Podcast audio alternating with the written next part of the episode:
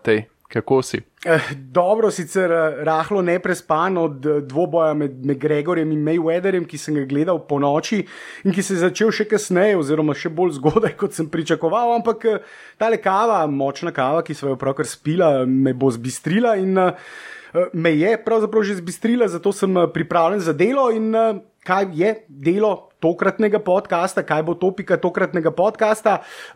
Čas za Eurobasket se nezadržno bliža, še nekaj dni, pravzaprav do začetka Eurobasketa, ki se začne že v četrtek. Eh, tale naj in eh, Eurobasket vodič, eh, serijo podkastov, smo začela pred dobrim mesecem in moram reči, da je ta mesec izjemno hitro minil, res je čas hitro minil in tukaj je že čas za morda enega izmed prelomnih Eurobasketov za našo reprezentanco, vendar seveda o tem več kasneje. Tukaj je namreč čas za zadnjo epizodo Eurobasket vodiča oziroma vodiča k Eurobasketu basketu pred začetkom samega Eurobasketa, seveda. Vodiče bo snemala tudi, ko se začne, uh, ko se začne Eurobasket, in takrat bova uh, tudi uh, bolj pogosto izdajala krajše podkaste, analize tekem naše reprezentance. Te analize bova skušala objaviti takoj po samih tekmah, oziroma čim prej, po samem zaključku tekem, sicer tehnično še nisva tega povsem uskladila, vendar bova z blažem v vsakem primeru poskrbela, da bo na naši strani sportinfo.si in seveda vseh spremljevalnih družbenih družbenih omrežjih eh, na voljo več kot dovolj eh, novic in seveda tudi eh, vseh zanimivosti iz letošnjega Eurobasketa, rezultatov, analiz, vsega, kar vas bo zanimalo, vse, kar vas bo zanimalo, boste lahko našli na naši strani in na spremljevalnih družbenih omrežjih. In zato morda blaš kar na hitro, takoj na začetku, katera so ta družbena omrežja, kje je stran in kdaj, predvsem kdaj bo stran, seveda začela delovati, blaš. Tako, ja, spletna stran sportinfo.si bo v novem, svežem sijaju zaživela do Eurobasketa, eh, po vsej verjetnosti v sredo. Um, in seveda najdete na, na socialnih omrežjih, tako kot si že Matej omenil, na NBA Slovenija, na Facebooku, kjer vedno najdete kakšne novice iz lige NBA, video posnetke, um, kot seveda tudi sedaj novice iz Eurobasketa in pa na Twitterju sportinfo.si, kjer nam na privat uh, veliko krat pošljete kakšno sporočilo, kakšno pohvalo, kakšno kritiko, kakšno vprašanje, tako da se rada pogovarjava z vami. Um, Morda bi pa sedaj, preden zaključiva ta uvod, le še povedala, kaj bojo točno teme današnjega podcasta. Ja, kot sem dejal, v tokratnem podkastu seveda napoved eh, favoritov prvenstva, napoved eh, zmožnosti naše reprezentance, česa je sposobna ta selekcija, je čas za medaljo, eh, zdaj ali nikoli, je res reprezentanca v tej selekciji. Seveda tudi kaj pomenijo, morda se bo malce zazrla proti prihodnosti in poskušala uh, povedati, kaj bodo pomenile za našo reprezentanco vse te napovedane upokojitve, tudi Gorana Dragiča in Vidmarja ali bo Randolph tudi naprej sodeloval z reprezentanco. Tudi tega se bo malce dotaknila, vendar uh, predvsem seveda uh, prihajajočega Eurobasketa in uh, seveda tega, kakšnih možnosti ima naša reprezentanca na tem Eurobasketu. Eh, o vsem tem več eh, čez nekaj trenutkov.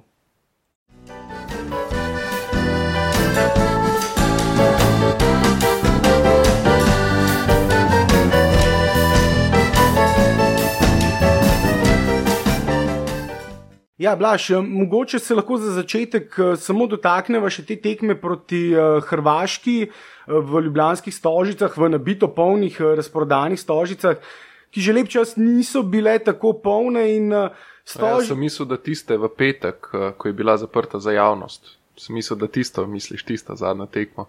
Ne, tisto tekmo večer pred to zadnjo.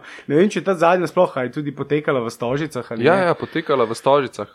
Tudi vendar, v stožicah, vendar rezultati se skrivajo bolj kot uh, verjetno naša varnostna agencija svoje skrivnosti. Ali pa Trump kode za nuklearne bombe. A ne, ne, mislim, da on tega ne skriva preveč. mislim, da to pove vsakemu Rusu, če vpraša.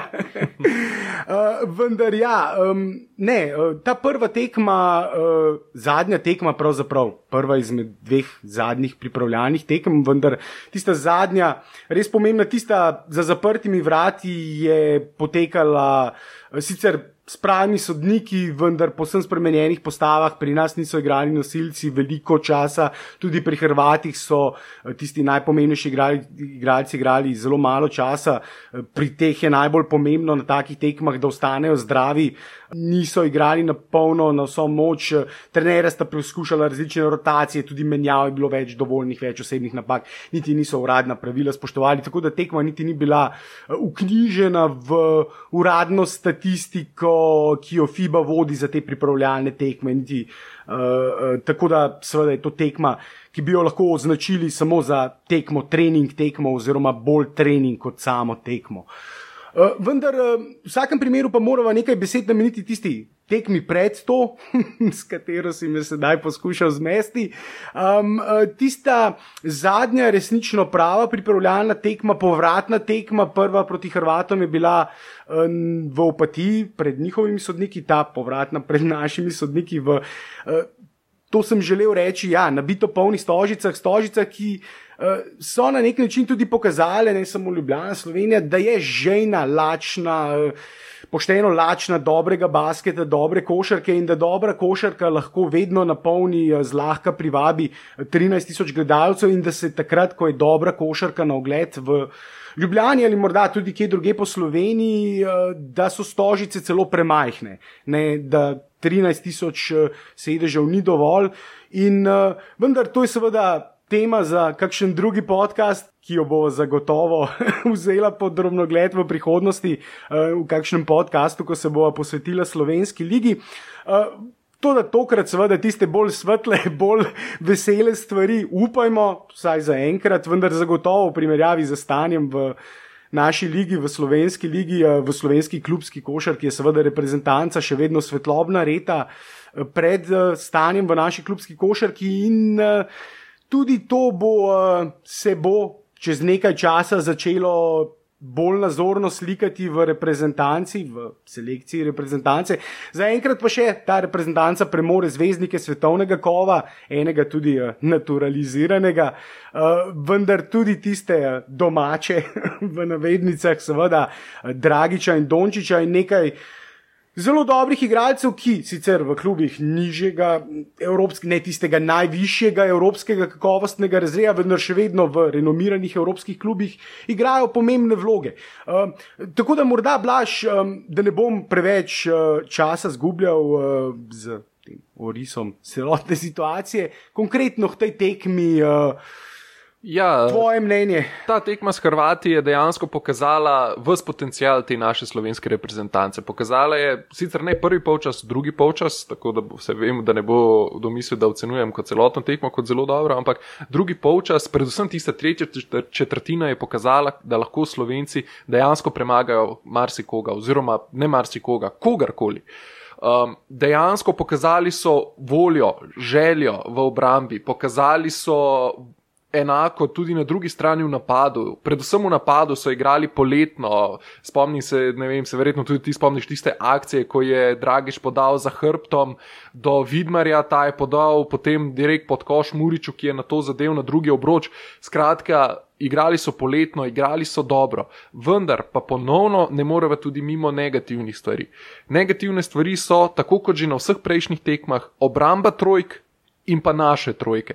Slovenija je dejansko na tekmi zadela le tri trojke iz 24 poskusov, kar je katastrofalno, kar pomeni, da če bomo podobno metali na Evropskem prvenstvu, se bojo nasprotne ekipe le zgostile pod obročem v raketi.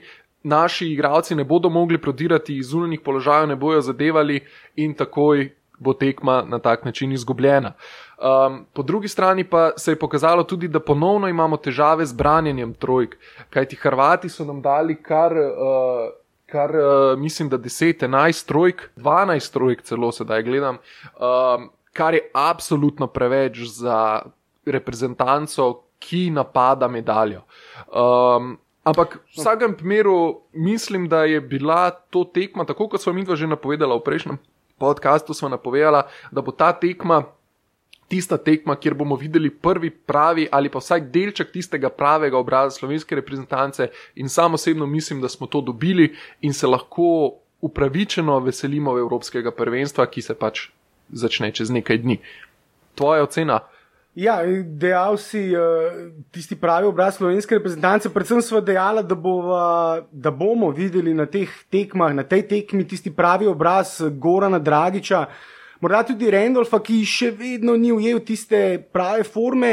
Dragič na drugi strani je vsaj glede na svojo predstavo na tej zadnji tekmi, kjer če sva recimo opazno dejala, da je morda priprave začel tam nekje z 20 do 30 odstotki, ko smo poskušali oceniti, koliko je dejal na tistih uvodnih pripravljalnih tekmah proti Češki in Mačarski. Je seveda izkušeni veteran, 31-letni veteran, uh, si zastavil te priprave načrtno, stopneval formo.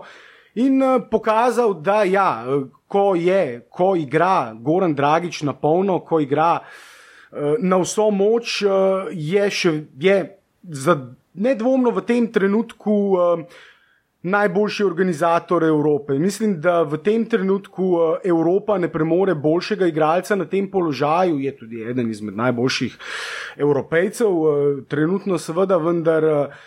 Uh, To je že malce bolj uh, subjektivna in delikatna ocena, vendar mislim, da kar se tiče pa trenutno, še posebej, če vzamemo samo uh, organizatorje, ki bodo nastopali na tem Eurobasketu ob odsotnosti uh, Teodosiča in še mnogih drugih igralcev, bo ta konkurenca seveda uh, precej slabša in uh, Goran Dragič bo moral na tem Evropskem prvenstvu pokazati tako igro, kot jo je kazal v najboljših, na najboljših tekmah eh, lansko sezono, v zadnjih sezonah in če bo prikazal tako igro, bo najboljši.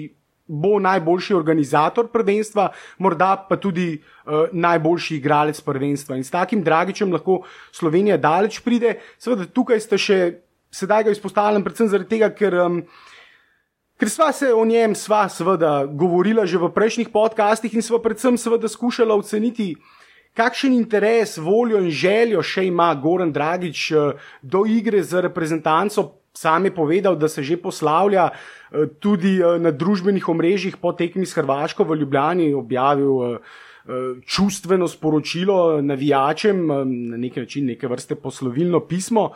Na drugi strani je seveda Zoki, njegov mlajši brat, vedno po vsaki Goranovi izjavi, da se poslavlja v medijih, da izjavo, da bo on še vedno prepričal brata. Tako da morda je tudi prav, da ostane še malce te negotovosti v, za prihodnost, ker tudi seveda še ne moremo ocenjevati, podati neke končne ocene v nekem širšem, širši sliki uh, igre Gorana Dragiča za Slovenijo. V vsakem primeru je. To naš najboljši igralec, ki morda, in to je neka tema tudi za enega izmed prihodnih podkastov, uh, ki morda je imel to nesrečo, da je v najboljših letih on bil ravno takrat, ko je Slovenija šla skozi neko določeno generacijsko luknjo, eh, kvalitetno luknjo, ko so prihajali v reprezentanco neki novi igralci, ki pa niso še imeli izkušenj in ko so tisti zvezdniki, eh, seveda iz preteklih, izpred treh, štirih, petih, šestih let. Eh, ki je slovenska reprezentanca imela po imenih, morda celo uh, najmočnejšo selekcijo vseh časov, seveda ni potrebno zdaj naštevati eh, vseh od Nahbarja, Nesteroviča, Smodiša, Lakoviča in vseh legend naprej, seveda Lorbka, eh, ki, za katerega so nas. Njega in nas, seveda, pri poškodbe prikrajšale, nas morda za kakšno njegovo podobno predstavo in medaljo, njega, seveda, za najboljša leta karijere. Tako da, ja, Dragič je eden izmed teh igralcev, ki morda del te ne bom seveda temu rekel, izgubljena generacija, vendar. Če se sedaj poslavlja, potem je dejansko tiste najboljše predstave on kazal takrat, ko ni imel v reprezentanci nikogar, ki bi mu lahko sledil, njegov brat Zoran je bil naš drugi najboljši igralec na zadnjih dveh, recimo temu prvenstvih, na zadnjih treh reprezentančnih akcijah, če štejemo še lanske kvalifikacije. Njega bomo pogrešali, tudi o tem smo seveda govorili, o obrambi in težavah z obrambo in zakaj bo Zoran eden izmed igralcev, ki ga bomo močno pogrešali, vendar Goran je uh, dal veliko in koliko bo vas seveda ocenila po prvenstvu. Če je to njegovo zadnje prvenstvo, če se ne bo poslovil z medaljo, bo zagotovo ostal nek uh, slab, grenak pri okusu, ja, pri celotni zadevi. Vendar, da se vrnem na seveda tekmo proti Hrvaški, tam je dokazal, da on bo na Evropskem, če bo igral tako, kot je igral proti Hrvaški in verjamem, da bo igral še malce bolje, pričakujem še uh, uh, njegovo igro še za razred višjo, še uh, predstavo više. Uh, to vsekakor pričakujem in tega je sposoben. Predvsem pričakujejo oba njegove trojke. In njegove trojke, to si pa že omenil, težave naše s trojkami, in na drugi strani naše težave z branjenjem trojk. Tudi to je recimo se videlo, predvsem v obrambi, v prvem polčasu proti Hrvaški. Recimo, Omenil si dobro obrambo na tej tekmi proti Hrvaški, vendar dobra obramba je bila samo v drugem polčasu, del drugega polčasa, ko so prikazali, da lahko s presingom čez celotno igrišče, že na Hrvaški, že na polovici nasprotnika, eh, s presingom obrambo, eh, agresivnim podvajanjem, visokim podvajanjem igralcev, tudi z hitrimi rotacijami, eh, kjer igralci nasprotnega moštva niso prihajali do tako neoviranih metov, kot so seveda Hrvati prihajali v prvem polčasu. Vse to so stvari in tudi Goran je potem v izjavi potekmi dejal, da on je tisti prvi, ki ga vsi gledajo v hrbet in on mora začeti z agresivno obrambo in on bo. Zato sem tudi začel z Goranom in zato mislim, da je prav, da v njemu, eh, glede na to, da smo ga tudi bila kritična, do, recimo, ne kritična, vendar da smo realno ocenjevali, da tisto je pač seveda v pripravah ni bilo še to, kar bomo dejansko lahko od njega videli. Sedaj smo videli proti Hrvaški, recimo Gorana na 80%. Ja, in če bomo ga to jaz za tem vsekakor stojim, da če bo Goran prikazal najboljše igre, kot jih je sposoben, eh, v tem primeru se nam ni treba bati, recimo, za, na tem oslabljenem Eurobasketu, Eurobasketu kjer bo manjkalo, manjkalo toliko favoritov, toliko ne favoritov, vendar dobrih igralcev. Pri favoritih. Pri favoritih eh, mislim, da. Recimo, zdaj v zadnjem je zadnja novica je tudi, da verjetno Kalinič pri Srbiji izpušča Evropsko, ni še dokončno, vendar po vsej verjetnosti bo tudi Kalinič izpustil Evropsko prvenstvo uh, zaradi težav s hrbtom. Uh, Tako da dejansko, ja, in ravno te poškodbe, recimo, tudi širijo krok favoritov za medalje, kamor bo spadala, seveda, tudi Slovenija. Ampak o tem bova povedala nekoliko kasneje, ja. da se vrnemo nazaj na to tekmo.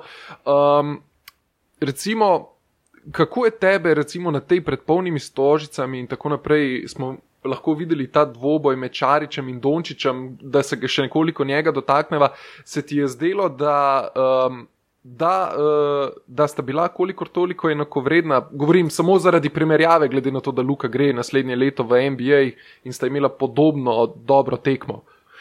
Ja, eh, oba sta bila verjetno, sta bila med boljšimi v svojih, no, tisto tekmo, verjetno Goran, eh, najboljši uh, igralec slovenske reprezentance, vendar je tudi Luka imel, Luka imel tudi tisto tekmo, recimo, višji, bi enega izmed višjih statističnih indeksov, oziroma višji statistični indeks. Uh, in to seveda predvsem je šlo na račun uh, kar 13 skokov, ki jih je ujel, te, zraven tega podal še 5 podaj in uh, ukradel 5 žog. Uh, ni bil pa tako primeten in delno tudi seveda zaradi bolj agresivne obrambe, ki jo bo deležen tudi na samem Eurobasketu.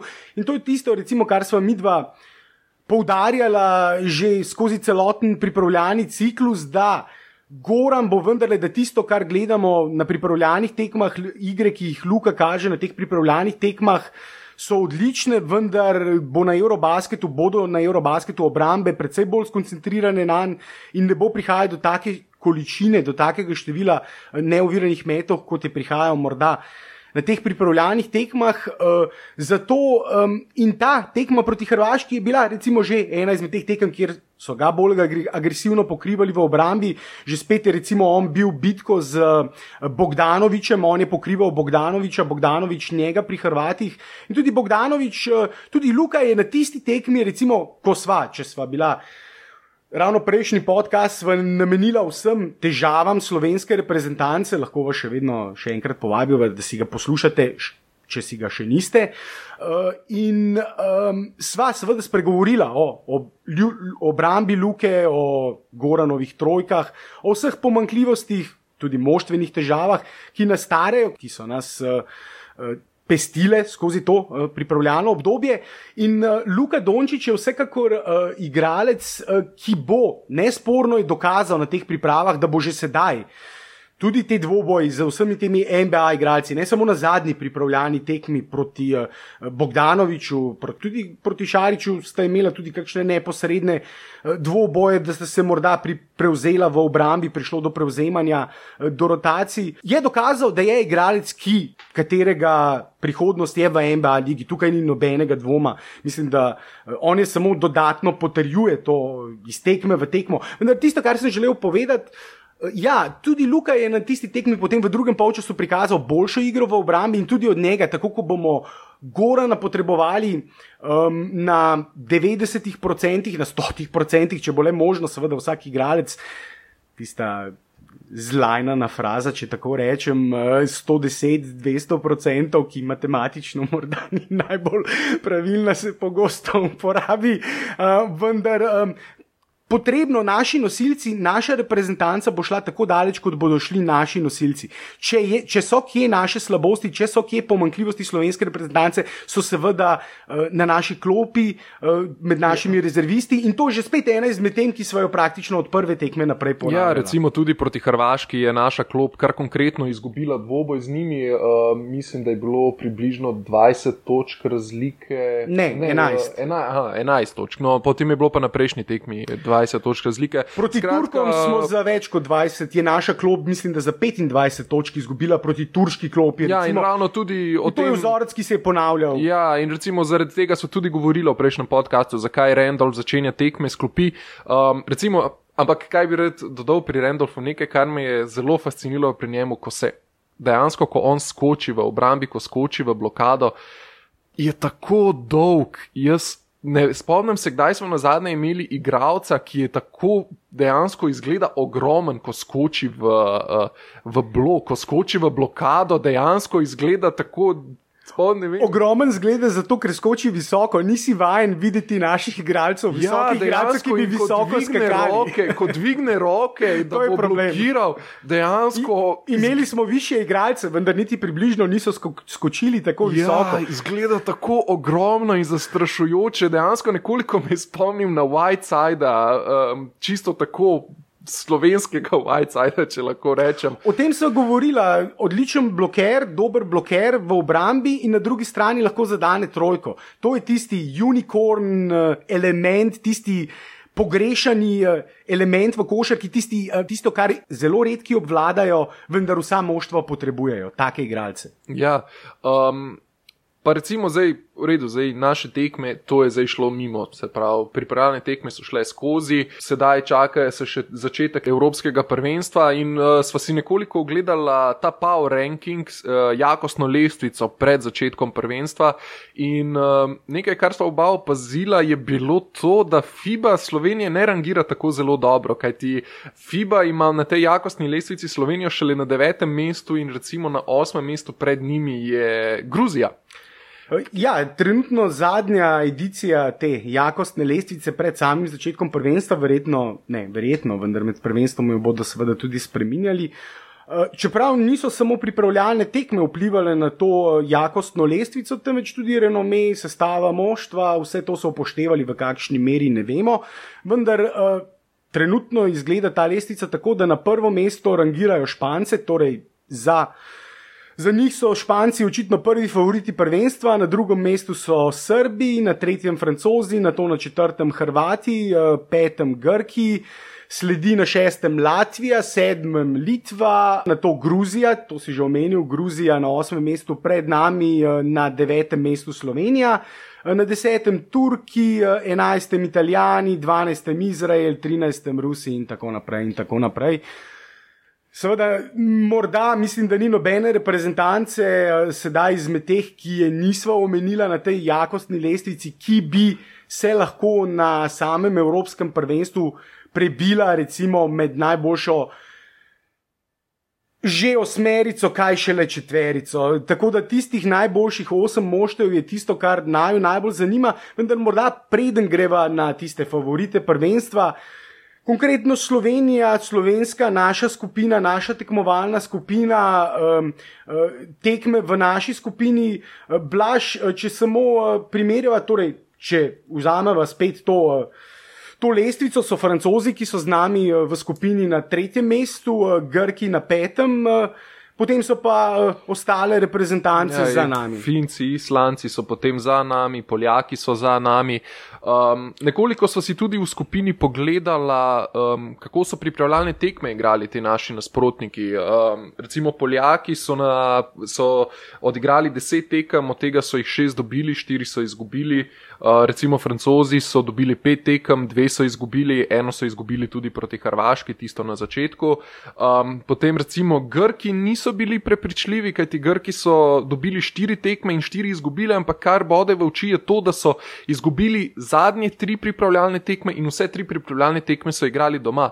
Um, govore, seveda, um, ta. Um, poškodba, sedaj uh, delam v, v zraku na rekovaje, uh, Janisa Antetokumpa, Janisa. Janisa Antetokumpa uh, je močno udarila reprezentanco in uh, neke novice prihajajo ven, da naj bi celo imeli težave tudi v slačilnici Borusis, naj bi se stepel z enim izmed svojih igralcev um, oziroma stepel, morda ste se le malo bolj pripričali. Izmenjala si prijateljske udarce v glavo. ja, uh, vidim, da si še malo pod utisom Mayweather, McGregor, uh, fajta.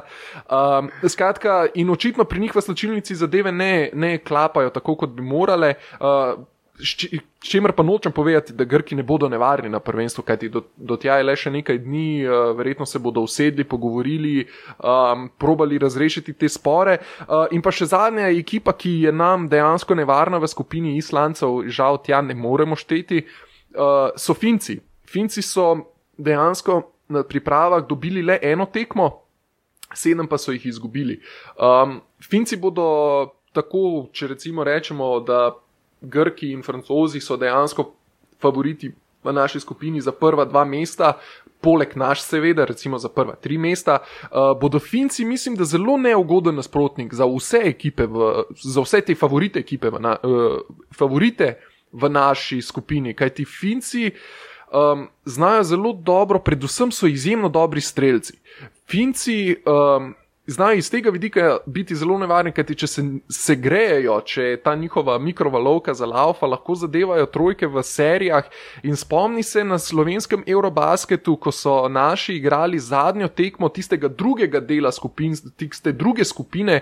Že naslednjega kroga, uh, zadnjo tekmo, ki sicer ni odločila v ničemer več, so Finci zmetali ogromno trojk in na koncu zmagali za več kot 20 točk Slovenijo. Tako da Finci so, so ekipa, ki, ki bo nevarna vsem izmed teh treh. Seveda pa tudi ne gre pozabiti na Poljake, ki bodo zelo neugodni, čeprav nimajo svojih prvih dveh zvezdnikov. Um, So lahko nevarni, Ampak in lampe, manjka najboljša ja. igralca. Ja. So lahko nevarni, ne, seveda o Grčiji pa Franciji, pa mislim, da posebej ni treba izgubljati besed. Oboji sicer so nekoliko oslabljeni, glede na prejšnje. No, ja, precej oslabljeni. Precej oslabljeni, se pravi, ok, rečeš precej oslabljeni, ampak gre vseeno za tako zelo kvalitetne reprezentance, da se mogoče manjko kakšnega zvezdnika vendarle ne pozna tako zelo, kot bi se recimo poznal slovenski reprezentanci. Um, ampak v njih mislim, da niti posebej ne rabava izgubljati besed, kajti to bodo tekme, s katerimi bodo tudi slovenci dodatno motivirani in bodo šli z njimi na nož. Vse v bistvu proti tem dvem nasprotnikom smo igrali že na, če ne, na, mislim, da celo na zadnjih dveh prvenstvih smo vedno igrali z Grki in pa s Francozi, sigurno pa smo igrali z njimi na Evropskem prvenstvu v Sloveniji, um, tako da jih tudi dobro poznamo, uh, vemo tudi, kakšne so njihove kvalitete in um, tako kot sem že rekel na začetku, mislim, da bo boj na koncu za prva tri mesta in seveda za čim boljšo pozicijo potem uh, na nadaljevanju prvenstva v tistih izločilnih bojih bil med Slovenijo, uh, uh, Grčijo in Francijo, seveda pod pogojem, da te tri reprezentance premagajo Polsko, Finsko in pa Islandijo, ki pač vsaj glede na kvaliteto moštev bi se to moralo zgoditi, uh, oziroma bi bilo veliko presenečenje, če bi katera izmed teh treh reprezentanc uh, izgubila tekmo proti tem, recimo temu spodnji polovici naše, lestvi, naše skupine. Ja, vsekakor bi bilo presenečenje, če bi recimo katera izmed teh reprezentanc premagala Slovenijo, Grčijo ali Francijo. Uh, tako da verjetno je bolj pomembno, oziroma tisto ključno vprašanje, uh, seveda med Francijo, Grčijo in Slovenijo, kdo bo zasedel prvo mesto.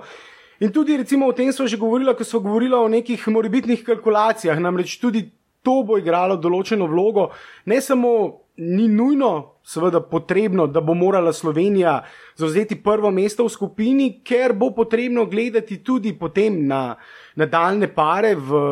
Seveda v skupini, oziroma v drugem delu tekmovanja, in potem uh, poskušati poiskati čim bolj ugoden par, če se le da vplivati na to. Vemo, seveda, da je to stvar, ki nas je opekla že na mnogih prvenstvih v preteklosti. Namreč na zadnjih treh prvenstvih smo vedno izpadli, smo vedno izpadli proti uh, kasnejšemu prvaku. In verjetno bi bilo fino, da bi se sedaj poskušali izogniti tistemu prvemu favoritu. Enemu se bomo, ne, Franciji. No, z... Mislim, govorimo o izločilnih bojih, kajti s Francijo se načeloma potem ne bomo več srečali. Do... Tudi z Grčijo, vendar tudi... zdaj seveda vprašanje, ali Grčija in Francija sodita med te. Ože favorite za naslov, na neki način sta to dve moštvi, ki skoraj da na vsakem prvenstvu avtomatično, ne glede na to, kakšno, kakšno postavo pridejo na prvenstvo, jih moraš uvrstiti vsaj v tisti širši krok favoritov, ne dvomno, vendar pogosto tudi že spet, ne glede na to, s kakšno postavo pridejo, tudi morda sodijo v ožji krok favoritov. Recimo tudi francozi, ki bodo na tem prvenstvu igrali brez, brez res ključnih igralcev na zadnjih ne samo dveh, treh, štirih, petih prvenstvih. No ja, z izjemo Goberja, vendar Parker je bil tisti, ki je praktično 15, ne praktično, vendar ki je 15 let uh, brez, uh, brez enega samega izpuščenega eurobasketa neprekinjeno igral za francosko reprezentanco in tudi razmišljal o tem, da bi se letos poslovil. Eh, na letošnjem Eurobasketu, prednji seveda njegova poškodba, dokončno preprečila kakršne koli. Ja, in se je potem tudi upokojil iz reprezentance. Seveda. Ampak kar je zanimivo, recimo na drugi strani, čisto tako kot zanimivost, eh, pa Parker ni odigral čisto nobenega svetovnega prvenstva. Igral na vseh Eurobasketih, vendar nikoli igral, ni nikoli igral na svetovnem prvenstvu. Vendar zanimivost, ki je. V katero se ne bova sedaj spuščala, vendar ja, Parker in seveda Gober, Batum so trije igralci, ki so bili v zadnjih dveh, treh ciklusih eh, ključni igralci francoske reprezentance, ki so bili ključni pri vseh teh uspehih francoske reprezentance v tem obdobju. Tudi Kozer, recimo eden izmed igralcev, ki ga bodo nedvomno pogrešali, je novi igralec Dončiča v Real Madridu. Uh, je eden izmed igralcev, ki bi lahko bili zelo koristni, tako da francoska reprezentanca bo na tem evropskem prvenstvu nedvomno pogrešala pogrešala ključne igralce, na drugi strani si že omenil Grke, Antetokumpa, o tem sva že govorila, tudi, o, to je bila tudi tema prejšnjega podcasta, kjer sva malce bolj podrobno spregovorila o težavah, ki jih seveda imajo evropske selekcije z njihovimi NBA igralci in to je nekaj, čemu bova v prihodnosti nedvomno posvetila še nekaj časa. Podcast 2, 3 ali pa morda še več, imam občutek, da bo to tema mnogih podkastov v prihodnosti, ker je, recimo, vsaj v primeru Antetokumpa, zelo očitno uh, Milwaukee posredoval in uh, mu prijateljsko prišepnil, sugeriral, uh, poglej, naslednjo sezono ti bomo mi, bo tvoja plača iz, mislim, da 2-3 milijonov uh, poskočila na tam 25-26 milijonov dolarjev na sezono. Uh, zato je dobro, da prideš na začetek priprav uh, zdrav in uh, pripravljen. Seveda, če bi pa igral za reprezentanco, to pa še tudi ena stvar, ki Vse se morda ponavlja v nekaterih stvarih, vendar nekateri podcaste šele prvič slišijo tega in zato lahko le povabiva poslušanju zadnjih. Vendar um, tudi recimo uh, začetek NBA lige je letos, bo letos uh, predstavljen za dva tedna. In tudi priprave klubov se bodo začele dva tedna prej, kar seveda pomeni, da bodo igralci, te NBA igralci, morali takoj po končanem Eurobasketu potovati v Združene države, kjer se bo verjetno dan, dva ali najkasneje tri pozadnji odigrani tekmi na Eurobasketu, eh, kjer se bodo že začele priprave in eh, seveda priprave v NBA ligi so. So zelo intenzivne in eh, še posebej, recimo, pri Mijaviju smo omenjali za Dragiča, da mnogi spustijo dušo, po domače povedano, na teh pripravah. In zato smo seveda tudi debatirali že o tem, koliko ima, recimo, Goran je Če se vrnemo samo še na to temo, malce si, ne da smo zaključili temo, vendar um, tudi Goran je nekaj dejal o tem, da mu pač ta Eurobasket služi kot priprave na sezono in zato je seveda izjemno pomembno to tempiranje forme. Spomni se, da dejansko njegove najboljše sezone so vedno prišle po evropskih oziroma po velikih tekmovanjih. Recimo tista sezona v Phoenixu je odigral, uh, se pravi, to je bilo ravno takrat po, po Eurobasketu, v Sloveniji je odigral, v bistvu dejansko imel najboljšo. najboljšo najboljšo sezono v karieri. Recimo letos, ok, je primerljiva s tisto. Tudi lani, recimo, je igral kvalifikacije in potem prišel zelo dobro pripravljen na uh, v NBA ligo. Da, um, Najslabšo sezono v zadnjih 4-5 letih je imel pravzaprav edino leto, ko ni igral za reprezentanco. Seveda je to povezano tudi z drugimi faktorji. Eh, takrat je bil tretja, četrta opcija šele v moštvu tisto sezono. Povsem, eh, pravzaprav samo postranski igralec v napadu, ki sta ga vodila Wade in Bosch. Eh, zato seveda tudi posledično pade statistika, tudi če bi zadev vse mete, bi takrat bila še statistika slabša. Uh, ko smo že govorili o manjkajočih igralcih in seveda o manjkajočih igralcih, ki bodo vplivali na, na sam potek celotnega prvenstva, in potem seveda sam potek tekmovanj v naši skupini, sem omenil, seveda, kdo pogreša francoze. Grki, ne samo, seveda, Grki so to celotno selekcijo sestavljali okoli Janisa, okoli Antetokumpa, potem, ko sta se seveda spanuli in Zizi so pokojila, to zdaj.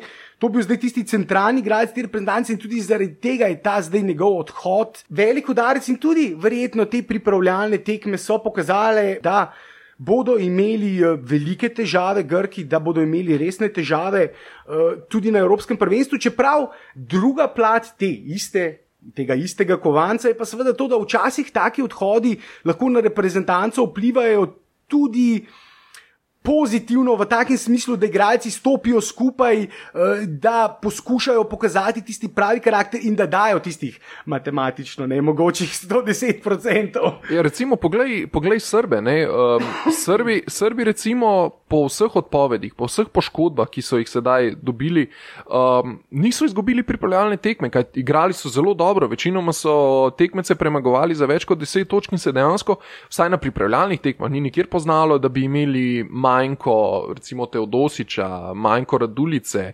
še marsikoga drugega. Da, um, Odigrali so enega izmed bolj uspešnih pripravljalnih ciklusov, um, nedvomno in to ja, brez številnih nosilcev. Ja, in uh, dejansko, je, dejansko v bistvu delujejo še bolj, še bolj povezani, še bolj enotni, in morda je ravno to in eden izmed receptov, zakaj recimo ti odhodi njih niso zbili z tega trona, če lahko rečemo na rekovajih, favoritov za medalje. Um, Morda bodo sedaj še celo nekoliko bolj nevarni, kot bi bili drugače, kajti vemo, da že na splošno srpska reprezentanca slovi kot ena izmed bolj uh, enotnih reprezentanc. Uh, ne samo v Evropi, tudi na svetu. Uh, tako da, recimo, če se mogoče malo dotaknemo tega širšega seznama uh, favoritov za medalje, kot smo se nekaj smo se malega pogovarjali, Španci. Definitivno spadajo v tisti oži krok favoritov za medalje, uh, francozi, uh, tudi Srbija, kot smo sedaj rekli. Recimo, potem pa pridejo na širši seznam, pridejo recimo Litva, Grčija, Slovenija, Hrvaška, recimo Turčija, ki sicer poimensko morda nima tako zelo dobre reprezentacije, kot jo je imela v prejšnjih letih, to da še vedno igrajo doma. Še vedno gre za kvalitetno reprezentanco, še vedno gre za um, dobre košarkarje. Um, tako da mislim, da tukaj vsaj moj, vsaj moj ta uh, seznam bi bil nekako tukaj. Potem pa morda, morda, morda bi lahko znala presenetiti. Uh, morda ne čisto v boju za medalje, to da znala bi nekoliko presenetiti Latvija in pa Rusija. Rusija ima tudi zelo na papirju, zelo homogeno, zelo uravnoteženo ekipo uh, in tudi Rusi bi znali morda se umešati v boj za medalje oziroma iti daleč na prvenstvo. Kaj ti misliš? Ja, na pripravljalnih tekmah tudi oni niso ravno navdušili, ampak ja, ravno to, kar si dejal, imajo recimo glede na to, da se vse čas vrtiva okoli te teme manjkajočih igralcev, poškodovanih ali drugače, manjkajočih iz drugačnih razlogov. Uh, Rusi imajo ekipo, uigrano ekipo, ki je precej nespremenjena. Njihovi glavni nosilci so v moštvu, šved, Moskov, igrajo, tudi roleplayeri so nespremenjeni. Eh, tako da, ja, imajo, morda so lahko ena izmed teh reprezentanc, ki bi na tem Eurobasketu, oslabljenem, vse čas ponavlja v Eurobasketu, eh, lahko recimo presenetili v navednicah. V navednicah ravno zato, ker težko je reči namreč, da bo na tem Eurobasketu nekdo presenetil, glede na to, kdo vse manjka. Ti si sicer rekel, da ja, ta homogenost, o tem sva nekaj spregovorila že, da lahko moštvo iz. Uh, da lahko to moštvo tudi na nek način bolj združi. Ravno taka, taka težave, seveda, vsako enoto, tudi v vojski, ravno težave bolj združ, združijo igralce, združijo vojake, zbližajo in. Uh, Uh, lahko potem igrajo, dajo več na parketu, to je vsekako res, s tem se strinjam, to so oba dva poudarila, ampak na drugi strani je pa košarka tudi šport, kjer um, lahko en igralec izjemno vpliva na igro. Recimo, več lahko en zvezdnik naredi uh, individualno v košarki, kot recimo v nogometu. In... Ja, definitivno. Ponavadi je košarka je, je šport, kjer ponavadi favorit na koncu tudi zmaga. Tudi če ti nekako prilagodiš taktiko. No, je...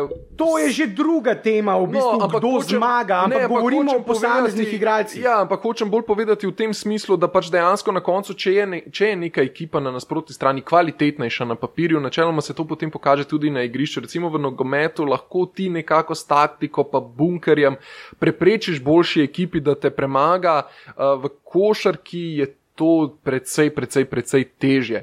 In individualna kvaliteta za to igra, seveda, toliko večjo vlogo, in mi premoremo individualno kvaliteto, ki jo druge reprezentance ne premorejo. Zdaj, omenjali smo najno, najno, našo slovensko eh, kratko klop, to bo eden izmed primerov, namreč mi, ne, mi pa ne premoremo določene kvalitete na klopi, in kot si že tudi sam omenil, in kot smo že govorili, zato seveda Randolph.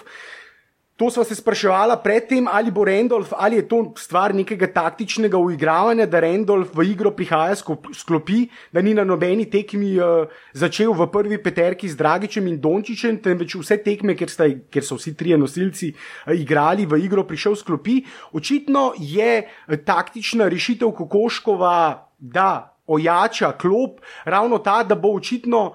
Randolph eh, v igro prihaja v sklopi in eh, na položaju krilnega centra tekme. Morda, kot kaže, zaenkrat, morda nas bo potem vse presenetil, kokoško. Vendar je čudno, da nobene tekme ne začneš v postavi, uh, s katero bi potem začel na Evropskem prvenstvu. Ja, vendar po drugi strani je pa morda to tudi ta taktična zamisel, da imaš potem na igrišču vedno dva nosilca, kaj ti začenjaš, začenjaš tekme z Dragičem in pa Dončičem, potem gre eden izmed njih dveh eh, na klop, narediš manjšo menjavo, pride Randolph, potem recimo na igrišču ostane ta Dončič Randolph, potem Dragič Randolph in potem se ponovno zamenja, se potem vrstni red ponovno zamenja in posledično imaš vedno, v, vedno imaš potem na parketu dva izmed svojih najboljših treh igralcev, kar pa je dober recept za uspeh, potem kasneje. Ne? To bo seveda in to bo ravno potrebno zaradi te kratke klopi, ki jo vse čas omenjava. Bo zelo potrebno, bodo pametne rotacije uh, igralcev v in iz igre uh, izjemno pomembne, predvsem seveda tudi zaradi tega, da se ne utrudijo te nosilci.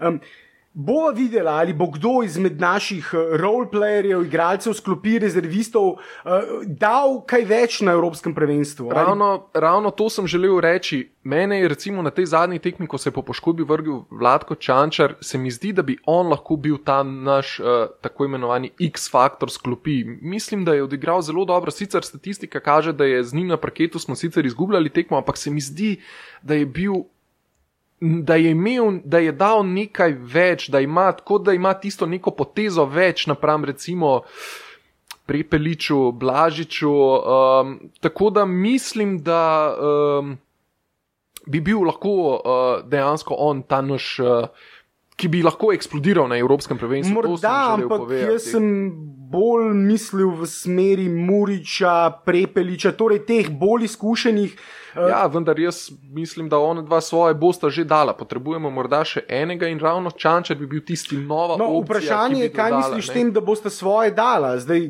na, recimo na pripravljalnih tekmah nista vedno dala tega svojega, čeprav zdaj seveda vprašanje je, kaj je to, ravno zato sem te vprašal, kaj je to svoje. Murič vedno je z energijo igral v obrambi, nikoli ne popušča, eh, ni se bati za njegovo željo, voljo, energijo, za tega se ni treba tudi zaprepelič, se ne dvomimo v motivacijo. Ampak kaj je določen igralec v določenem trenutku sposoben in Čančar, pravzaprav Čančarju sva midva govorila že takoj potem, ko se je poškodoval, sva ga Na tistih prvih podcastih smo ga celo omenjali kot enega izmed potencijalnih nosilcev, tako da to ni nobeno presenečenje in uh, nič novega. Uh, mi dva svečančarja omenjala skupaj z Randolfom Dragičem in Dončičem kot tistega, ki je na začetku priprav, ko je igral, pokazal absolutno največ, o tem ni nobenega dvoma. Tudi in... na tej zadnji tekmi je pokazal, zakaj je bil izbran v, na dreftu v Ligi MBA. Pač jaz osebno priznam, da ga lansko sezono nisem veliko gledal in me je pozitivno, res me je pozitivno presenetil. Uh, No, jaz sem ga v Megi uh, več gledal in sem opazil njegov, uh, njegov napredek, ki je bil viden. Uh, seveda tudi večje število minut in eden izmed razlogov, zakaj je odšel iz Olimpije, vendar že spet to je morda tema za kdaj drugič, vendar je opazno napredoval med sezono. Seveda igralni čas je eden izmed razlogov, da je tudi napredoval, ker gre, vsekakor gre za talentiranega igralca. In seveda, ja, njegova poškodba je zagotovo tudi malce vplivala na to, kar smo se seveda spraševali, kako, kako bo naše moštvo uigrano. Tekma proti Hrvaški je pokazala, da je moštvo uigrano res v napadu, eh, kokoškov vedno navduši z. Celotno serijo različnih uh, akcij, uh, vseh vrst, resnično vidim uh, domiselne akcije. Igralci prihajajo, tisto, kar je glavno, igralci prihajajo do neoviranih metov. Uh, Tisto, kar lahko trener naredi s tem, ko nariše akcijo, je to, da eh, svoje moštvo pripelje do neoviranega oziroma do čim boljšega meta. In kokoškove akcije pripeljajo do neoviranih metov za naše igralce. Definitivno. In, uh napad bo nekaj, kar bomo lahko občudovali na Evropskem prvenstvu. Vendar niso zadeli teh neoviranih metov, zaradi to tega ga bomo lahko občudovali, če bo seveda realizacija teh akcij, ki jih kokoška nariše, kokoškov nariše. Um, uh, uh, Bodo seveda morali realizirati, pokazati večjo učinkovitost, in to je bil seveda problem. Dragičeve trojke, Dončičevi prosti meti, vse to je stvar koncentracije, stvar mehanike, motorike, vaje, oba igralca. Recimo, ravno zato sem bil rahlo presenečen nad res slabimi odstotki, recimo teh dveh igralcev, njunih metov za. Prostih, seveda v primeru Dončiča in Trojk v primeru Dragiča. Um, uh, zato, ker sta oba namreč med lanskimi sezonami bila zelo uspešna, Dončič pri prostih metih, Dragič pri Trojkah, pri Trojkah iz večje razdalje. Um, in zato seveda pričakujemo od obeh izboljšanje v tem pogledu na samem Eurobasketu in to, da se vrnemo na tisto temo, ki smo jo morda. Sva naredila tak majhen detour, uh, obvoz, uh, vendar na tisto temo, ki sva jo uh, začela predtem, namreč ravno to, da tisti nosilci v košarki, glavni igralci, imajo v košarki precej večji vpliv kot v drugih športih. In zato sem jaz, recimo, recimo temu zmeren optimist pred tem Eurobasketom, ker imamo na, na treh položajih igralce, ki so sposobni konkurirati za najboljšo peterko prvenstva. Goran Dragič, Luka Dončić in Anthony Randolph. Če bodo vsi ti trije igralci, to sem že nekajkrat ponovil in to je nekaj, v kar vsekakor verjamem, če bodo, vsi, če bodo ti trije igralci na Eurobasketu igrali tako, kot so igrali na najboljših tekmah lansko sezono, če bodo ujeli tisto pravo formo, seveda, če, če, če, če, če, bela, če. Vendar, če še enkrat, če bodo tako igrali, potem, potem mislim, da je to moštvo sposobno uh, se resno umešati v boj za medalje. In uh, ravno, recimo, ko govoriš, uh, če bodo dali to maksimum, rav, ravno to sem razmišljal. Jaz verjamem, da bo naša slovenska reprezentanca skozi prvenstvo rasla. Mislim, da bodo iz tekme v tekmo boljši in mislim, da temu bo pripomoglo nekoliko tudi to, da imamo relativno lahek začetek prvenstva. Poljska je prva tekma, um, mislim, da se šele v tretjem krogu srečamo z francozi.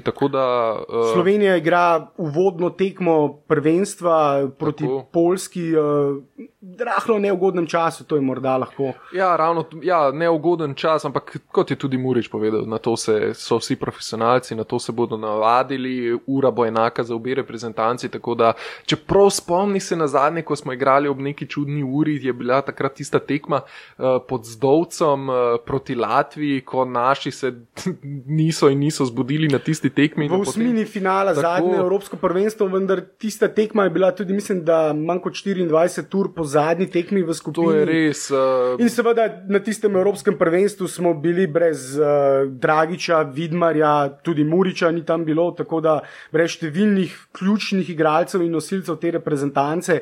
Uh, tako da. Uh, je seveda tisti poraz bil, vendar na drugi strani tudi Latvija, ko si omenil recimo Latvijo, enega izmed teh tihih favoritov, uh, Latvija na tistem prvenstvu brez Porzingisa. Tako da Porzingis pa bo, zato pa je seveda Latvija tudi eden izmed morda teh tihih favoritov, tihih v širšem krogu, seveda, ki si jih ti omenil. Vendar tisti stari, zaenkrat, če, če pogledava recimo tisto sliko in eh, potegneva črto pod tistimi glavnimi favoriti, o katerih smo nekaj že spregovorila. Eh, ti si izpostavil tistih, recimo, osem reprezentanc, ki bodo morda na tem prvenstvu eh, med najbolj resnimi favoriti za medaljo. Problem tega Eurobasketa je seveda ravno to najna ponavljajoča se tema manjkajočih igralcev. Te bodo namreč, vsi ti izostanki bodo namreč močno vplivali na ta Eurobasket in Ja, zato, tež, zato so napovedi zelo nehvaležne. Krog kandidatov za medalje, tako kot si tudi dejal, ni še nikoli bil tako zelo širok kot morda letos. Tista mantra, ki bi jo jaz vse čas ponavljal našim igralcem, igralcem naše reprezentance, je, če ne letos, kdaj pa. Po tem Evropskem prvenstvu se bo poslovil Goran, se bo poslovil Vidmar, um, ne glede na kritike, ki jih nekateri uh, že spet nadigro na pripravljalnih tekmah eh, na kritike, ki letijo morda na Vidmarja, eh, je on še vedno precej boljši center od kogarkoli, seveda, Dimca ali pa kogarkoli, no, z izjemo Omiča. Uh, kogarkoli. Ja, z Omičem sta že tam, tam. S tem, da je Omič predvsem mlajši in bo verjetno do naslednjega velikega tekmovanja še napredoval. Vendar, seveda, mesto je samo za enega naturaliziranega igralca, za Omiča in Randolfa skupaj ni prostor v reprezentanci. Ja, to je tudi vprašanje. Zato bo verjetno Dimec na naslednjem Evropskem prvenstvu, če se vidma res upokoji in glede na to, da je že dal dve zelo težki poškodbi čez v svoji karieri. Je povsem seveda razumljivo, da se želi upokojiti uh, v tem, recimo, temu relativni mladosti še uh, reprezentančno upokojiti, seveda, vendar uh, z njim in seveda tudi predvsem z Goranom Dragičem mi takega organizatorja ne bomo nadomestili verjetno Posem možno je, da neka generacija mine. Preden, morda nikoli. Morda nikoli. Uh, takega organizatorja, in zdaj morda bodo nekateri rekli, da je Luka organizator. Govorimo o uh, igralcu na položaju številka ena. Um, Luka ne bo, to smo pa tudi že spregovorili, Luka uh, ne bo igral na položaju številka ena, on je, bo vsekakor playmaker, bo organiziral napade, razigraval ekipo, vendar zato ni potrebno igrati na položaju številka ena. V današnji moderni košarki so morda najbolj koristni ravno tisti playmakeri, ki uh, lahko razigravajo, organizirajo napade iz. Položajev za visoke igralce. In to je tista glavna prednost Luke. In zato Kot smo tudi videli, recimo letos v reprezentanci, vedno tudi, kadar ni Goran v igri, je ponavadi zraven Luke vedno še en organizator, ki prenaša žogo. Zakaj bi, seveda, zakaj bi Luko po nepotrebnem utrujali s tem? Že tako je seveda tudi kondicija ena izmed stvari, uh, ki jo on, eh, zaradi katere tudi eh, prihaja do teh luken v obrambi in seveda kondicija povezana z njegovo mladostjo, z njegovo starostjo in vsem. In zato bo izjemno pomembno na samem Eurobasketu, da eh, bomo, da bomo pokazali tisto pravo igro. Ja, hotel sem samo še reči, da um, recimo Kokoškov, on je NBA trener ne? in dejansko tukaj se lahko vidi, ko je postavil Luko na trojko, je že morda nekoliko nakazal, ki ga bodo uporabljali tudi v Ligi NBA. Mi dva se spomniš v tistem prvem podkastu, ko smo nekako probala izluščiti, kaj bi bila najna dvanajsterica. Ne, sva se takrat spraševala ravno okoli tega, kje bo igral Luka, ali bo igral na položaju ena, bo igral na položaju dve, ali bo igral na položaju tri. Ne. Sedaj se je pokazalo, da bo igral na položaju tri. Um, in ravno to, skozi sem samo toliko reči, da se kaže, kje bo tudi potem, ko bo prišel v Ligo NBA, kje bo njegovo mesto. Njegovo mesto bo, pra, bo sigurno na krilu in bo dejansko upravljal podobno vlogo, kot jo igra recimo LeBron James, pa ne govorim sedaj, da je Dončić LeBron James. Point ampak forward point je njegov položaj. Ja. Se pravi, igralca, ki igra na krilu in lahko organizira napad. Ja, zato vsekakor Luka je, eden, je prihodnost naše reprezentance. Vendar uh, Luka verjetno nikoli ne bo več igral s takim igralcem kot je Goran. Upajmo, da bo igral še s takim igralcem kot je Randolph, da to ni edina zadnja. Prva in edina eh, Randolphova reprezentančna akcija. To bo namreč tudi potem pokazalo, ali se je splačala ta naturalizacija, glede na to, kako bo to vplivalo na Omiča, na že omenjenega Omiča, o katerem smo mi dva že precej spregovorila in si zasluži, tudi on si je zaslužil to, da smo ga omenila. Tako da ne vemo, kaj, pri, kaj prinaša prihodnost. Vsekakor imamo nekaj talentiranih igralcev, seveda to so vse še igralci, pri katerih ne vemo, kako se bodo odrezali v članski konkurenci, kako bo napredoval njihov razvoj, ali bodo na koncu poprečni evropski igralci, ali bodo naredili tisti presežek eh, s talenti, s tistimi talenti, ki niso tako izven serijski, kot je seveda Luka uh, je, so napovedi precej bolj nehvaležne in tudi teže. Zato, seveda, če se vrnem na tisto mojo glavno poanto, ja, kdaj, kdaj pa, če ne letos, kdaj pa, če ne bomo letos osvojili naslova, mislim, da potem v nas, ne, naslova, vendar medalje vsaj. Uh, mislim, da če ne letos, bo zelo težko, vsaj naslednjih deset let ker preprosto ne bo več takih igralcev v reprezentanci kot sta Reynold in Goran. In kot sva rekla, seveda v košarki te individualno en igralec pomeni ogromno, en zvezdnik, en nadserijski, izvenserijski igralec pomeni precej več kot recimo morda v nekaterih drugih moštvenih športih. In mi imamo sedaj tri izvenserijske igralce kakršne v reprezentanci še nismo imeli. Morda bo nekdo rekel, pa se je bil smodiš na vrhuncu uh, boljši kot recimo Randolph sedaj, ali morda je bil. Uh, Ne vem, nekdo nahbar, boljši, boljši ja, tako, morda na vrhu, no, ja, morda ne to, ampak morda kot Randolph, uh, ker pri teh letih zagotovo nihče ni bil boljši kot je Dončić pri 18. Vendar, predvsem tak stil igralca, takega igralca, ravno to, kar si ti omenil, njegova višina, dolžina, uh, tako skočnega igralca na visokem požaru, ki se ravno ujame s tem konceptom in idejo, stilom igre, ki ustreza Goranu in uh, Luki. Tako komplementarne in dobre ekipe, oziroma trojice skupaj, tako dobre, velike trojice še nismo imeli, ker namreč tudi, um, govorim tudi o tem trenutku, da bi v določenem trenutku imeli tri take igralce na treh položajih, ki so sposobni prikazati tako igro, in, oziroma ki imajo te specifične, določene kvalitete, tega v reprezentanci še nismo imeli. Letos, omenila sva, vse čas, že večkrat, vse te manjkajoče igralce in uh, ja. Um, Reprezentance bodo oslabljene, veliko je seveda na turnirju napovedovati medalje, je vedno nehvaležno. Nehvaležno in morda celo neumno, ker nikoli ne veš, kako se bodo reprezentance vnaprej križale, kako, ali bo prišlo do kakšnih poškodb izjemno veliko število reprezentancij, sedaj izjemno izenačenih, izjemno, izjemno, izjemno in vse izjemno je zelo izenačeno. Um, tista mantra sedaj še toliko bolj uh, pride do izraza, da vsak, vsakdo lahko premaga vsakogar. Tako, še posebej v tem krogu, teh osmih, devetih, v širšem krogu favoritov, katerega sodi teh osem ali devet reprezentanc. In uh, Seveda je Slovenija tukaj zraven in uh, nedvomno je tisti prvi cilj, četrt finale, v to pravzaprav ne dvomim. Mislim, da bi samo popoln razpad sistema, uh, razpad kemije znotraj moštva lahko pripeljal do tega, da se ne bi uvrstili med najboljšo osmerico. Čeprav bo tudi v osmini finala, seveda lahko naletiš na neugodnega nasprotnika. Uh, To nikoli ne veš, vendar ja, ne. Če se ti nekoliko zalomi, si četrti v skupini in letiš na prvega iz kakšne druge skupine, vendar si na Španijo. Mi... Vsekakor, vendar si mi seveda ne smemo privoščiti in morda samo še umestna dodatna nota, ravno to, glede na to uh, uvrstitev v skupini, se seveda lahko križaš s povsem vsako reprezentanco in uh, lahko šele potem na kasnejših tekmah uvodnega kroga v skupini, tekmovanja v skupini, lahko morda šele začneš s kalkulacijami oziroma preračunanjem in to bo seveda potrebno. Nedvomno bo potrebno tudi gledati uh, za naprej, vendar Slovenija more priti v četrt finale.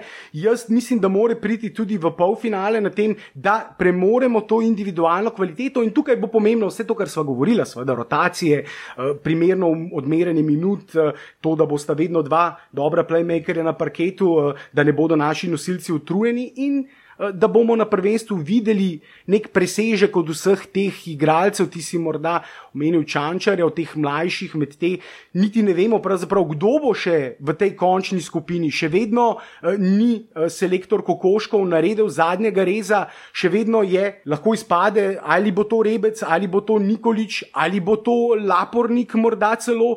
Vse je možno, tega še ne veva. Ja, te tri so, ampak mislim, da je Nikolič kar varen. Mislim, da bo na koncu končna odločitev padla na Repca oziroma na Lapornika. In jaz se s tem strinjam, tudi glede na potrebo, ki, ima, ki jo imamo na določenih položajih. Uh, to bo vsekako res, vendar uh, mislim, da tudi te igralci ne bodo tisti, ki bodo delali določene presežke in ki bodo lahko, recimo, uh, resno vplivali na končni izid naše reprezentance, vendar Prepelič, Blažič, Murič, tisti bolj izkušeni v naši reprezentanci, mislim, da bodo tisti, ki bodo morali pokazati na Evropskem prvenstvu nekaj več, če bomo želeli biti uspešni, vendar ja. Mi bomo odšli tako daleč, kot nas bodo odpeljali na prvem mestu Goran Dragič, na drugem in tretjem pa Luka Dončić in Anthony Randolph. Če bodo te trije. Na četrtem mestu pa vsi ostali. Tako, na četrtem mestu upajmo, da vsako tekmo nekdo drug, eh, da bo nekdo drug dal tisti in da bodo naši najboljši tudi najbolj konstantni in da bomo lahko na njih računali vsako tekmo, čeprav vemo, da prav vsake tekme na prvenstvu ne bomo morali. Tudi vsi MVP-ji vseh preteklih turnirjev, prvenstev, olimpijskih, svetovnih, eurobasketov, so vedno na vsakem turnirju odigrali, imeli slabo tekmo in tudi naši nosilci bodo imeli, upajmo, da ne isto in upajmo, da ne, v, da, da ne bo prišla slaba tekma za vse tri nosilce v drugem delu tekmovanja in upam, da nisem zdaj. Uh, Jinxal, česa. Tako upam, da nisem izval usode sedaj in da se bo na koncu prav to izgubilo, če se že mora zgoditi, take tekme se naj zgodi v pretekmovanju. Vendar ravno to so vse tiste malenkosti, ki vplivajo na rezultat, na končni rezultat Tudi turnirja. Dnevna forma, ne, to, tem, točno to, kar si sedaj povedal. Ne. Tako, zato so napovedi nehvaležne, vendar jaz bom potihem napovedal vendarle na tem prvenstvu kolajno. Uh, in se priporočil športnim bogom. Kaj pa ti, Blaž, morda še ti končno napoved? Moja končna napoved je definitivno četrt finale, potem pa je borba za medalje odprta. Um, dejansko, tako kot si rekel, potem je odvisno vse od teh kalkulacij, s kom se križaš. Ampak... Četrt finale je zelo ziheraška napoved. Ja, jaz sem ziheraš. Ali napoveduješ potem četrt finale, se pravi, da bomo izpadli v četrt finalu? Ja, ne rad stavim. Tako da, ja, četrt finale je moja ziheraška napoved. Uh, mislim, da. Nažalost se nam je že prevečkrat zgodilo, da ravno to četrt finale je bilo pri nas vedno tisto usodno, tako da uh, Najme Misliš, poplu, da najme najni, ja, najme najni poslušalci popluvajo. Mislim, da četrt finale bo naš domet letos. Ne govorim, da, ne govorim glede na individualno kvaliteto in tako naprej, eh, da ne bi mogli iti dlje. Mislim, da lahko gremo glede na individualno kvaliteto, kot ti napoveduješ medaljo. Tudi sam uh, sem mnenja, da lahko gremo na medaljo. Vendar. Nekako ne vem, no, morda ja, jaz napovedujem četrt finale in tam borbo, z, iz, tam bomo izgubili Španijo ali pa Francijo, ki bo tam na koncu potem prvak, tako kot je ponavadi kar že torej, značilno za slovensko reprezentanco, da izgubimo proti končnemu prvaku, tako da moja napoved je četrt finale. Torej ti napoveduješ potem finale Španija-Francija ali. Ne, napovedujem, da tisti ali bomo dobili Špance ali pa Francoze v četrt finalu, tisti bo na koncu prvak. No, kdo bo pa potem v finalu igral? Torej, ja, Španija in pa Francija sta moja dva favorita za finale, tvoja. Ja, torej, jaz moram odgovoriti na vprašanje, proti komu bo Slovenija igrala v finalu. um, proti Hrvatom, morda. Vsekakor menim, da so Hrvati tudi eni izmed teh, ki bi jih jaz morda na tem Evropskem prvenstvu eh, dal celo malce više kot med te v to skupino širših, v to širšo skupino favoritov. Uh, jaz mislim, da so Hrvati tudi ena izmed teh reprezentantov, ki lahko na tem prvenstvu poseže po medalji. Že spet, zdaj smo omenili pravzaprav ogromno reprezentantov, ki bi lahko presenetile od Rusov, Latvicev, sedaj Hrvate, uh, tudi Hrvaška. Uh, ne, da so Hrvati na nivoju Rusije in pa Latvije. Ne, vendar to so reprezentanci, ki lahko presenetijo. Mislim, da je Hrvaška ena izmed tistih, medtem ko lahko recimo Latvija ali Rusija morda posežejo tja do polfinala. Mislim, da je Hrvaška ena izmed tistih reprezentantov, ki bi lahko. Lahko, ki bi jo lahko letos videli celo v finalu. Mislim, da so zelo dobro igrali, sicer malce imajo težave na položaju organizatorja, predvsem zaradi tega, ker Ukič skozi celotne priprave ni igral, vendar brez tistega, ki ga ni, se mora in na prvenstvu bo že nared. Tako da bo igral in to bo še nek dodatni faktor, ki bo nekako vplival na igro, upajmo, da pozitivno. Jaz mislim, da bo nekaj dodal, še zagotovo bo dodal. Zato mislim, da so Hrvati eni izmed teh tihih favoritov eh, za finale in um, mislim, da so Španci, glede na to, tudi v tem so govorili in eh, se. Predvsej ponavljava, ker smo seveda že od samega začetka, pravzaprav že na samem začetku najnih Eurobasket vodičev, sva neke napovedi naredila oziroma dala in neke domneve potegnila pač neke teze, uh, ki se niti niso spremenile med temi pripravami in uh, niso predvsej vplivali, kljub vsemu temu pomankanju igralcev, razširil se samo morda krok favoritov in možnosti naše reprezentance in nekaterih drugih reprezentanc, da naredijo odmeven rezultat, so se še malce izboljšale. Uh, vendar eh, v tistem samem vrhu pa ja, mislim, da Španija, izkušena veteranska ekipa, ki obvlada FIBA košarko z renomejem, ki ga imajo Španci pri sodnikih, tudi to se ne sme pozabiti na Eurobasketi. Na Eurobasketi. Na strani igrata oba brata Gasol, tako da to je velik plus za to reprezentanco. Famozni Lamonika ne bo sicer več sodil, se je že upokojil na srečo naših ljubiteljev košarke, vendar še vedno je v evropski košarki precej Lamonik, eh, ki radi stopijo in odigrajo glavno vlogo, in ponovadi to glavno vlogo, eh, seveda s to glavno vlogo, ponovadi pomagajo tistim malce bolj favoriziranim reprezentancem, ki v blagajno FIBE prispevajo nekaj več denarja. Tako da. Ja. Tako, uh, bodi to dovolj za ta podcast. Um, Vrneva se čez nekaj trenutkov, da se posloviva uh, in zaveževa pentljo pod današnjo epizodo.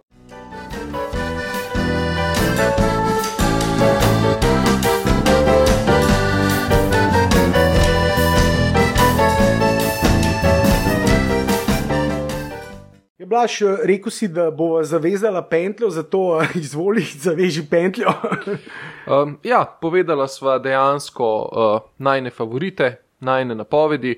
Um, naslednji podcast bo sledil uh, kot krajša analiza uvodne tekme slovenske reprezentance proti Polski, se pravi v četrtek, uh, tam proti večeru. Um, tako bo po vsaki tekmi eh, skupinskega dela, potem pa bo po končanem tem prvem delu tekmovanja sledil tudi en daljši podcast, kjer bova ponovno pogledala situacijo, uh, s kom se lahko slovenci križajo in tako naprej, kakšne bodo naše možnosti za naprej. Uh, to bi bilo to, kar se tega tiče, še ti kaj.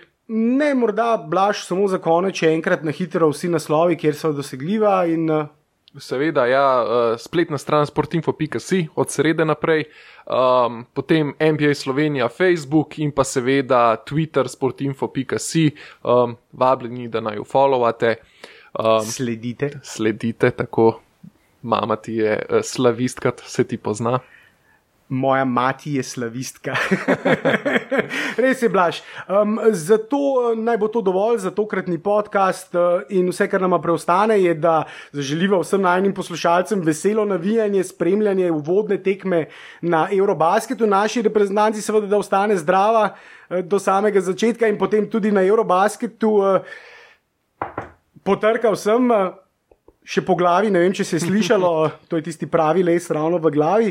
Uh, zato ja. Uh, Po tisti uvodni tekmi, seveda, reakcija, reakcijski podcast z natančno podrobno analizo uh, srečanja proti Polski. Uh, do takrat pa uh, prijeten teden, uživajte na tekmi in adijo.